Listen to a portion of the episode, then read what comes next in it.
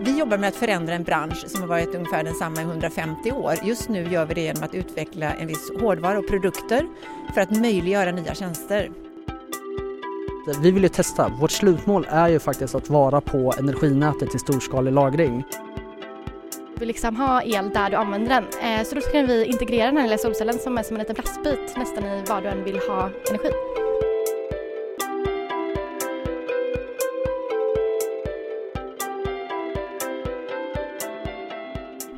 Innovation är något som energibranschen behöver. Det är en insikt som blir mer och mer etablerad.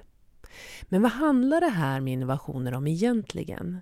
Hur kan en innovation rent konkret se ut och vilken funktion bör den ha? Hej och välkommen till det tionde avsnittet av podcasten Framtidskraft. Jag heter Karin Bodén och jobbar på Jämtkraft. Och idag vill jag för dig presentera min nya producent och medarbetare i podden, Daniel Lövstedt. Välkommen Daniel! Tack så mycket! Hur känns det här då? Det känns jätteroligt att få prata energibranschens framtidsfrågor. Jaha. Eh, vi vill vara konkreta i den här podden. Vad är det som känns roligt med det? Jo, men jag kommer ihåg första gången jag närmade mig energibranschens frågor som eh, alltså professionellt. Det var som journalist. Det var för ungefär tio år sedan. Jag skulle skriva en artikel om ursprungsmärkt el för energisajten Second Opinion. Eh, jag fick intervjua en väldigt kunnig och pedagogisk person och eh, tyckte att det här var ju häftigt. Alltså jag hade inte en aning om hur det där funkade innan och sögs verkligen in i vilken eh, komplexitet och vad, vad relevant ämnet var för hela samhället och sådär. Och kände att det här, det här är ju spännande. Det här vill jag jobba med. Och jag vill göra det lättillgängligt för fler. Alltså det här, lära mig med nyfikenheten som drivkraft göra det lättillgängligt för fler. Och det är precis det som den här podden handlar om tycker jag. Att vi försöker förstå vad är det som händer just nu. Vilka framtidsfrågor står och knackar på dörren och vad är det energibranschen måste, måste göra för att komma rätt rustad in i framtiden. Och sen göra det lättillgängligt för fler. Det är det vi jobbar med i podden så det, det känns jättekul. Och det känns jättekul för mig att ha dig med också. Och i det här avsnittet så ska vi som vanligt vara mycket konkreta. Vi ska höra tre exempel på innovationer som kommer att kunna få stor betydelse för framtidens energibransch. Och alla de här tre företagen de blev nyligen prisade för just sin innovationsförmåga Eh, på det så kallade innovationsracet som Power Circle Summit anordnar en gång om året. Och då kan vi fråga oss i det här programmet, de här tre affärsidéerna, vad kommer det få för betydelse för energibranschens omdaning?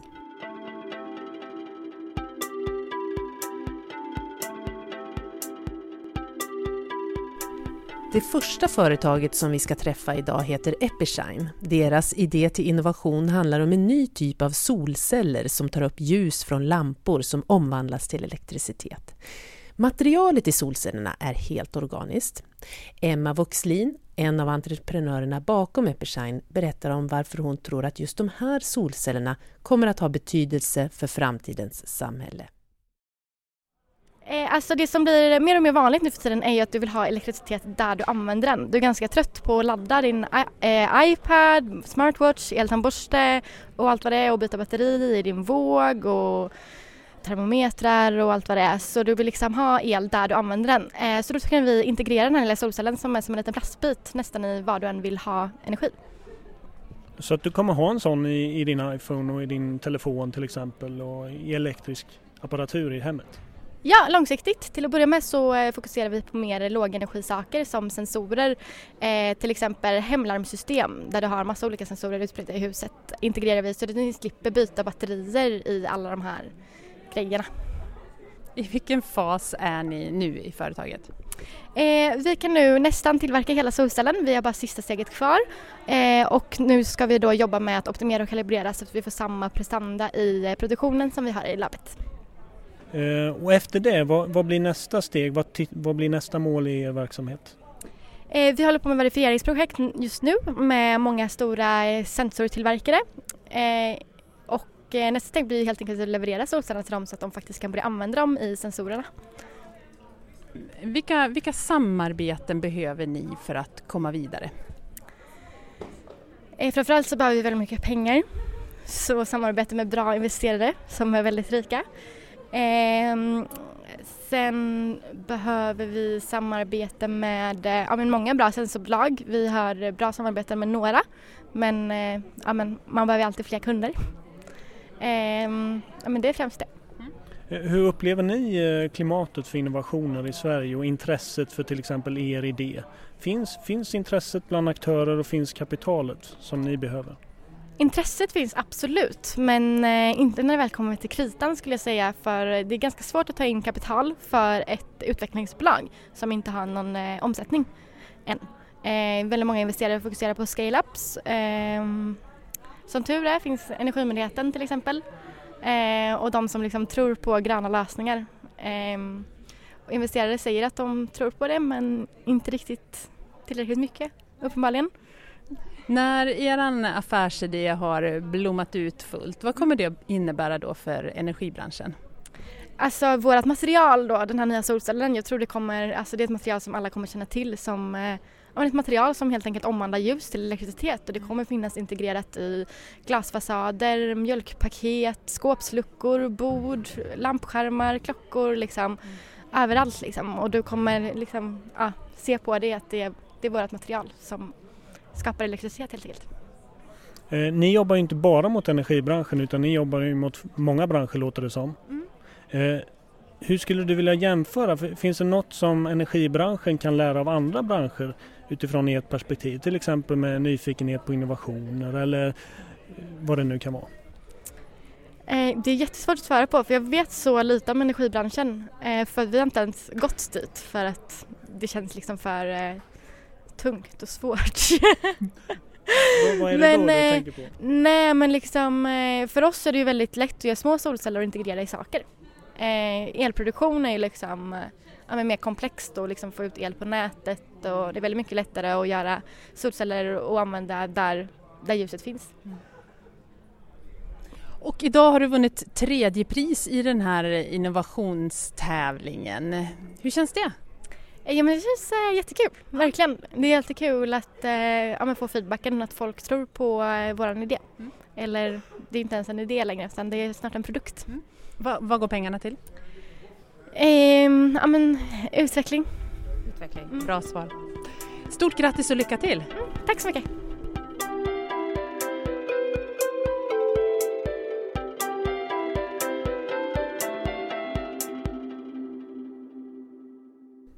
Nästa företag som vi möter idag heter Altris och de vill vara med och spela roll på den glödheta batterimarknaden. I batterierna skapas ju, tack vare lagringsförmågan, möjligheter till ett mer flexibelt elsystem. Samtidigt är batteriproducenternas utmaning hållbarhet ur ett livscykelperspektiv. Och det är här Altris kommer in. Företaget bygger på idén att producera batterier med förnybart material istället för litium och samtidigt hålla kostnaderna nere. Företagets VD heter Tim Nord. Vår affärsidé är att tillverka batterier från ett miljövänligt förnyelsebart material istället för litiumbatterier och fortfarande kunna sälja det billigare per kilowattimme än vad litiumjonbatterier levererar idag. Och vad är det då för någonting istället för litiumjon?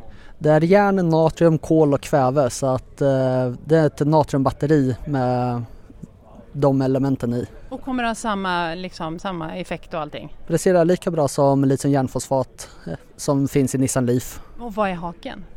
Tar det stor plats? Nej, det är precis lika stort som det är Nissan Leaf. Haken hittills har varit att eh, det har varit dyrt att producera men det har vi löst nu så att vi ser ingen hake längre. Hur då? Eh, genom en ny syntesmetod som inte kräver höga tryck och temperaturer som den eh, tidigare kända processen. Och hur kom ni på det här? Liksom, hur började ni jobba med det här och har kommit fram dit där ni är idag? Vi är ju Basen i Altris är ju fyra stycken forskare från Ångström Advanced Battery Center på Uppsala universitet och eh, då är det ju det här berömda forskningsbytet att man byter forskare med andra universitet så att Will, William Brandt tog med sig idéer från Australien som man tänkte att men det här kan vi ju testa på Resas natriumbatterier och så föddes den här metoden. För det var ingen annan som hade bara tänkt på att testa det. Och vilken betydelse kan det här få? Vilken innovationskraft kan det få för energibranschen som ni ser det? Jag tror det här är det som kan göra förnyelsebar energi miljövänligt på riktigt. För hade man haft litiumbatterier istället så hade det inte gått på grund av kobolt och eh, andra metaller man har i. Är det det här som är er drivkraft, alltså miljöaspekten eller är det tekniken eller vad drivs ni av i ert företag? Jag, eh, min personliga är att jag sökte och doktorera för batterier för den här anledningen. Det var det här jag sökte mig till för att jag såg att det här kunde göra skillnad.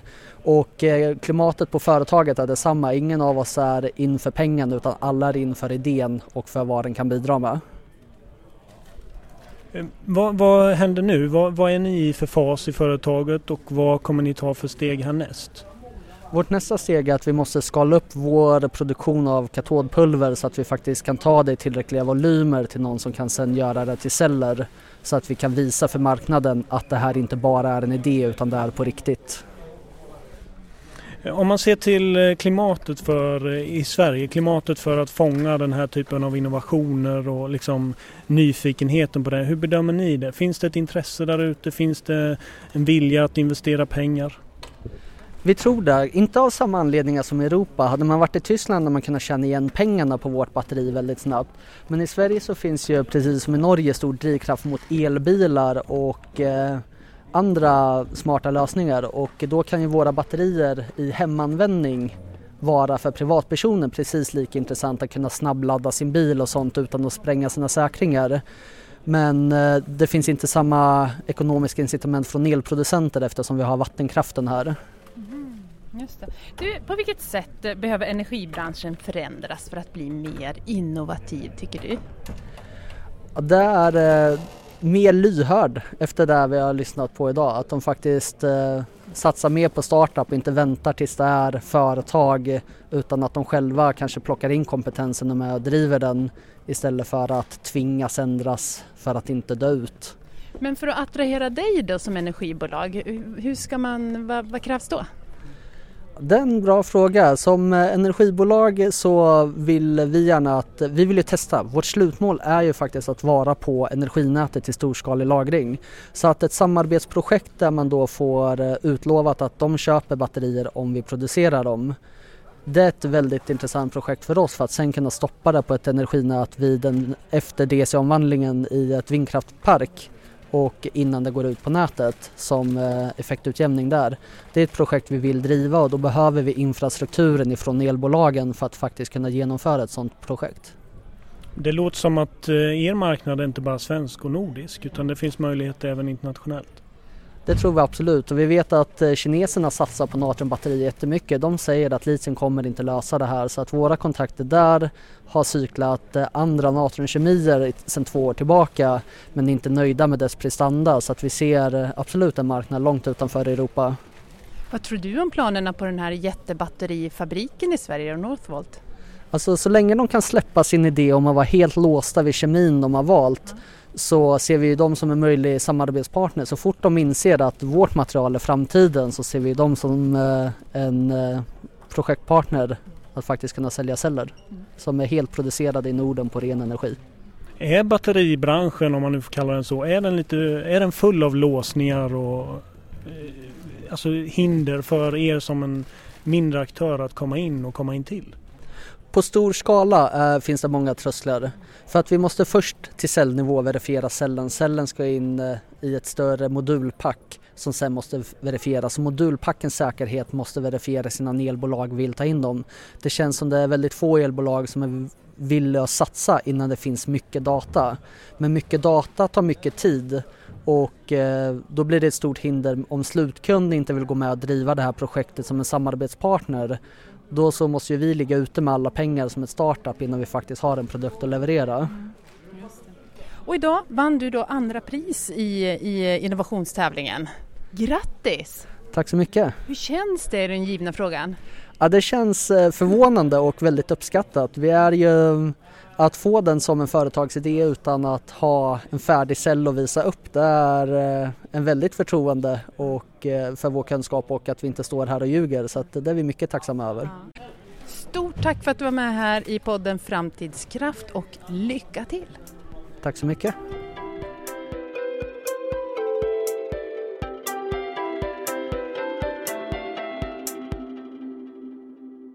Sista företaget ut idag är Blixt.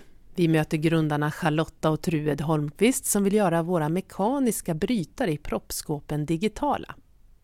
Och med det öppnas möjligheter till nya funktioner och tjänster menar de. Deras idé fick juryn i innovationsracet att beskriva Blixt med orden ett bolag med potential inom flera områden med möjlighet att reducera material och energiförbrukning. Trots sin korta historik möter de kunder och väcker intresse på en mångmiljardmarknad. Och det är förändring företaget vill uppnå. Vi jobbar med att förändra en bransch som har varit ungefär densamma i 150 år. Just nu gör vi det genom att utveckla en viss hårdvara och produkter för att möjliggöra nya tjänster. Och, vad är det för hårdvara om du bara kort berättar? Eh, ja, vi har gett oss på ett område som är brytare. Eh, de har varit mekaniska fullt ut och de har en enda funktion. Och med våra nya digitala brytare, första gången någonsin vi lyckats lösa utmaningen med att ta fram en digital brytare, då får man helt nya typer av funktioner och tjänster. Och när du pratar om brytare så är det alltså de här brytarna som sitter i proppskåpen hemma hos folk? Japp, du har helt rätt och det som är det fina med det, det är att det är en global standard så de ser likadana ut i Asien som i USA, Europa, i Afrika. Hur kom ni på den här idén? Oj, det är en väldigt lång historia men jag ska försöka göra ett väldigt snabbt referat. I ett tidigare projekt så jobbade vi med eh, Energy Management och då dök det upp kundförfrågningar om att kunna styra via sina eh, brytare. Och då började vi titta på det. Men nu är vi en bit bak i historien. Så eh, eh, det första utmaningen vi gjorde tidigare det var att vi löste värmestyrning. Men så sa de, men jag har ju lampor, jag har min elbil, jag har min tvättmaskin men jag vill inte köpa nya prylar. Hur kan jag göra det här gamla smart? Och då finns det ju idag eh, smarta pluggar och liksom, men jag kände att nej, vi kan göra det lite bättre och börja fundera på vad är den gemensamma ingången till ett hem? Och då hamnar vi i proppskåpet. Men vad betyder det här då för de som bor i det hemmet om de får en, en digital istället för en mekanisk brytare? Det behöver inte betyda någonting men om man vill utnyttja möjligheterna som finns så kommer du kunna eh, ha helt nya typer av tjänster eh, som slutanvändare oavsett om det är konsument eller kommersiell slutanvändare. Och samma sak för energibolagen. Det är det som är lite unikt med den här teknologin, att vi kan ha en affärsmodell mot båda sidor så att säga. Och eh, från energibolagens perspektiv så kan du framförallt jobba med lastbalansering, alltså mm. det man kallar för demand side management. Mm. Men vad, om vi ska konkretisera tjänsterna då lite mer, alltså, vad betyder det? Idag så har du ju en, en prisvolatilitet om du ska köpa el per timme på marknaden som redan kan vara uppe i 700 och den här kommer bara öka över tiden. Och varför då inte ladda din Tesla till exempel när priset är som lägst? Jo, och sen har vi ju eh, förhållningssättet till nya tjänster att det kommer vara helt kunddriven utveckling. Allting av våra brytare kan vi luftuppdatera ungefär som en smartphone. Så om vi börjar nu, vi har fokuserat på värmestyrning för det som vi har varit riktigt duktiga på tidigare, eh, direktverkande elhushåll. Eh, man vill kunna släcka lamporna automatiskt bara man stänger dörren och slippa springa runt i ett hus och släcka allting. Och sedan är det ju även elbilsladdningen. Men vi öppnar upp plattformen så att om folk i framtiden vill kunna styra sin garageport eller sin mikrougn eller någonting annat, ja men låt dem göra det. Allting behöver inte komma från Blixt utan vi vill att alla ska kunna utnyttja den här plattformen. Många pratar om kunddriven. Vad innebär det ännu mer konkret för er del? Vad innebär en kunddriven utveckling? Det innebär att innan produkten är i massmarknadsproduktion så pratar vi med riktiga kunder. Vi pratar med olika, eh, både från energibolagssidan, slutkunder, eh, vi har fått intresse från bilindustrin, från lampindustrin. Så vi pratar och förstår. Det första frågan jag ställer mig, men vad har du för önskemål? Tänk dig det här magiska trollspöet. Och bortse från vad som finns idag på marknaden, vad vill du kunna göra i ditt hem? Och sedan börjar vi utveckla applikationer och tjänster för att matcha det behovet. Så det är första delen i all tjänsteutveckling för oss, att, att identifiera vilka, fritt översatt, smärtor som kunderna har. Eh, vad, vad, är drivkraften? Vad drivs ni av? Vad är det liksom som tar företaget vidare? Jag personligen drivs av att lära mig nya saker varje dag. Det är det absolut viktigaste för mig. Eh, jag skulle kunna göra en, en jämförelse med min bror som jobbar på Volvo. Han trivs väldigt bra att veta om tre år så sitter jag på den stolen och har den lönen. Jag stimuleras av att möta människor i olika miljöer eh, prata om olika tekniksaker som jag först inte behärskar men sen fäller tioöringen ner och jag märker bara wow, det vi håller på med det gör verkligen en skillnad. Så det, det, är min drivkraft. Ja, och, och, min drivkraft är ju, jag har jobbat nu med effektiviseringar i, i mer än 20 år och saker som förenklar människors vardag och företags vardag. Så att det, det är min drivkraft, framförallt att bygga saker. Um, hur uppfattar ni innovationsklimatet i Sverige? Hur, hur, hur ser intresset ut för nya innovationer i ert, er erfarenhet? Från mitt perspektiv så när det gäller högteknologisk och disruptiv innovation så finns det väldigt mycket bra innovatörer men eh, Sverige börjar bli något av ett u-land när det gäller finansiering för den typen av projekt. Då. Det är tyvärr och jag tror att det beror delvis på att den typen av, av, av riskkapital man kan få tag i egentligen inte har kompetens att bedöma högteknologi, med vissa undantag. Jag tycker Energimyndigheten är ett lysande undantag. De, ju, de har en väldigt hög kompetens. Och vad betyder det konkret för er att Sverige, som ni uttrycker det, är ett u-land? Eh, ja, det kan ju göra. Första fasen är oftast ganska enkel. Eh, för det första har vi lagt in allt vad vi äger och har för att kunna driva det här bolaget. Eh, där klarar sig en bit på väg, men det här är inget litet projekt. Det kommer att kosta väldigt mycket pengar så snart behöver vi attrahera större kapital och då går vi ju hellre på, så vi, där vill vi få ihop kunden och finansieringen för det finns ju ofta sådana här VC-armar av olika industriaktörer. Så att vi försöker blanda kunddriven utveckling med en partner som förstår och, och går den vägen. Eh, men det är klart att allting tar lite längre tid om man inte har det kapitalet man önskar från dag ett. Mm. Hur upplever ni, hur har ni tagit emot av eh, energibranschen då som en startup, en innovativ startup? De är ju extremt intresserade av vad vi gör så att vi har haft delegationer från de flesta av de riktigt stora producenterna, av dagens producenter av, av brytare så att de skickar upp folk, oftast är det människor med mekanisk eh, bakgrund eh, och när vi har svarat och, och, klarat av alla deras frågor då, det brukar vara samma frågor som repeterar sig tycker jag, så eh, börjar det framträda en, en lätt skräckblandad förtjusning kan man väl säga. Mm. Det... Så det är öppna famnen alltså? Mm, na, det vet jag inte. Både och. Både och, för de inser ju att det här skiftet håller på att ske. Eh, sen eh, vill de göra saker och ting själva, not invented here, det är många tusentals människor. Men jag tänker på energibranschen specifikt så ser vi att det här löser så många utmaningar. Våran utmaning att jobba ihop med energibolag är att hitta de som är så pass snabbfotade som vi är, som vågar testa, sätta ut nya produkter hos kunder innan det är en certifierad och färdig produkt. För vi vill ju få in input nu för att möta behoven i framtiden. Så för att få komma i fråga att samarbeta med er så ska energibolaget vara ganska modiga? Ja, absolut. Så att vi, vi är inte rädda för att tacka nej. För vi sorterar i två fack. Dels har vi tidstjuvarna och de tar gärna möten och det blir större och större möten. Men vi vill hitta tidiga pilotprojekt, testa skarpt, få in data, eh, build, measure, learn och rotera det. Och som är organiserade för att kunna jobba med innovation. Jag brukar eh, rekommendera dem normalt sett att ha en fristående organisation som jobbar med den typen av bolag som vi representerar. Till sist måste vi säga grattis till priset! Oh, tackar, tackar! Det är så roligt, jag blir jätteglad, jag är så här barnslig när det gäller att, att vinna så att vi tyckte det här var jättekul. Och vi måste säga vad vi ska använda vinstpengarna ja, till. Ja, det här är jättekul! För att vi eh, fick faktiskt en fråga för några dagar sedan, två dagar sedan, från en av våra ingenjörer. Han sa, och jag skulle så gärna vilja köpa in, det är en speciell typ av printer man kan printa tvålagers kretskort i. Det här låter jättenördigt och det är det. Och den kostar grundutförande 6 000 dollar ungefär så att det ska vi köpa för mm. våra vinstpengar. Och då kan vi bli ännu snabbare i vår utveckling. Det kapar iterationstiden med en vecka ungefär. Mm. Stort grattis och lycka till! Tack så Tackar. jättemycket! Tackar.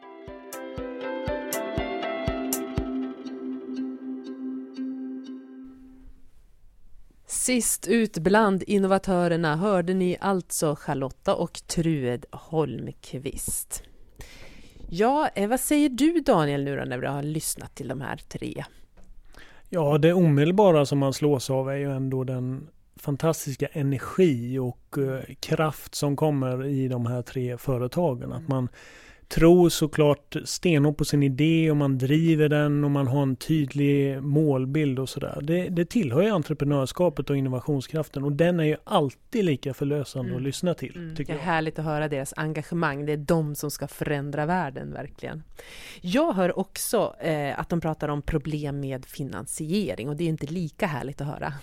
Nej, och det är ju samstämmigt från alla tre, lite på olika sätt. Eh, Blixt Blix talar ju till och med om Sverige som ett litet uland till att eh, fånga eh, tekniska idéer och, och ta dem vidare.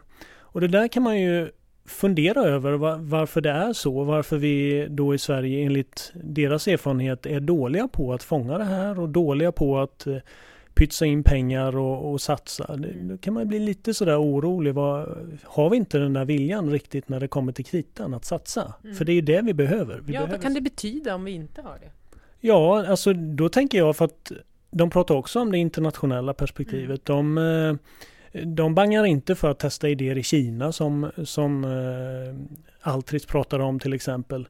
Eh, vart tar innovatörerna vägen om, om inte vi fångar dem i Sverige och vart, eh, vart går det med de svenska företagen och deras innovation om man inte fångar de här idéerna? Det kan man ju fundera över. Mm. Och vart passar, passar vi den frågan då? Ja, alltså det är ju en delikat uppgift. Vi, vi, alltså vilka innovationer kommer bli avgörande och vilka kommer ha betydelse? Det kan man ju inte sitta här och säga utan, utan det blir en delikat uppgift för energiföretagen att satsa på rätt hästar. Mm. Och då måste man våga, men man kan inte satsa på alla för det funkar inte. Mm. Och det, det kommer ju bli jättespännande att se eh, vilka innovationer vi ser i framtiden som kommer att ha betydelse. Mm. Mer mod krävs av energiföretagen kan vi i alla fall säga. Nu vill jag tacka Daniel för din strålande insats den här första podden som du gör. Tack så mycket, det var jätteroligt att vara med. Och stort tack till dig som lyssnar. Vi hörs igen snart. Hej då! Hej då!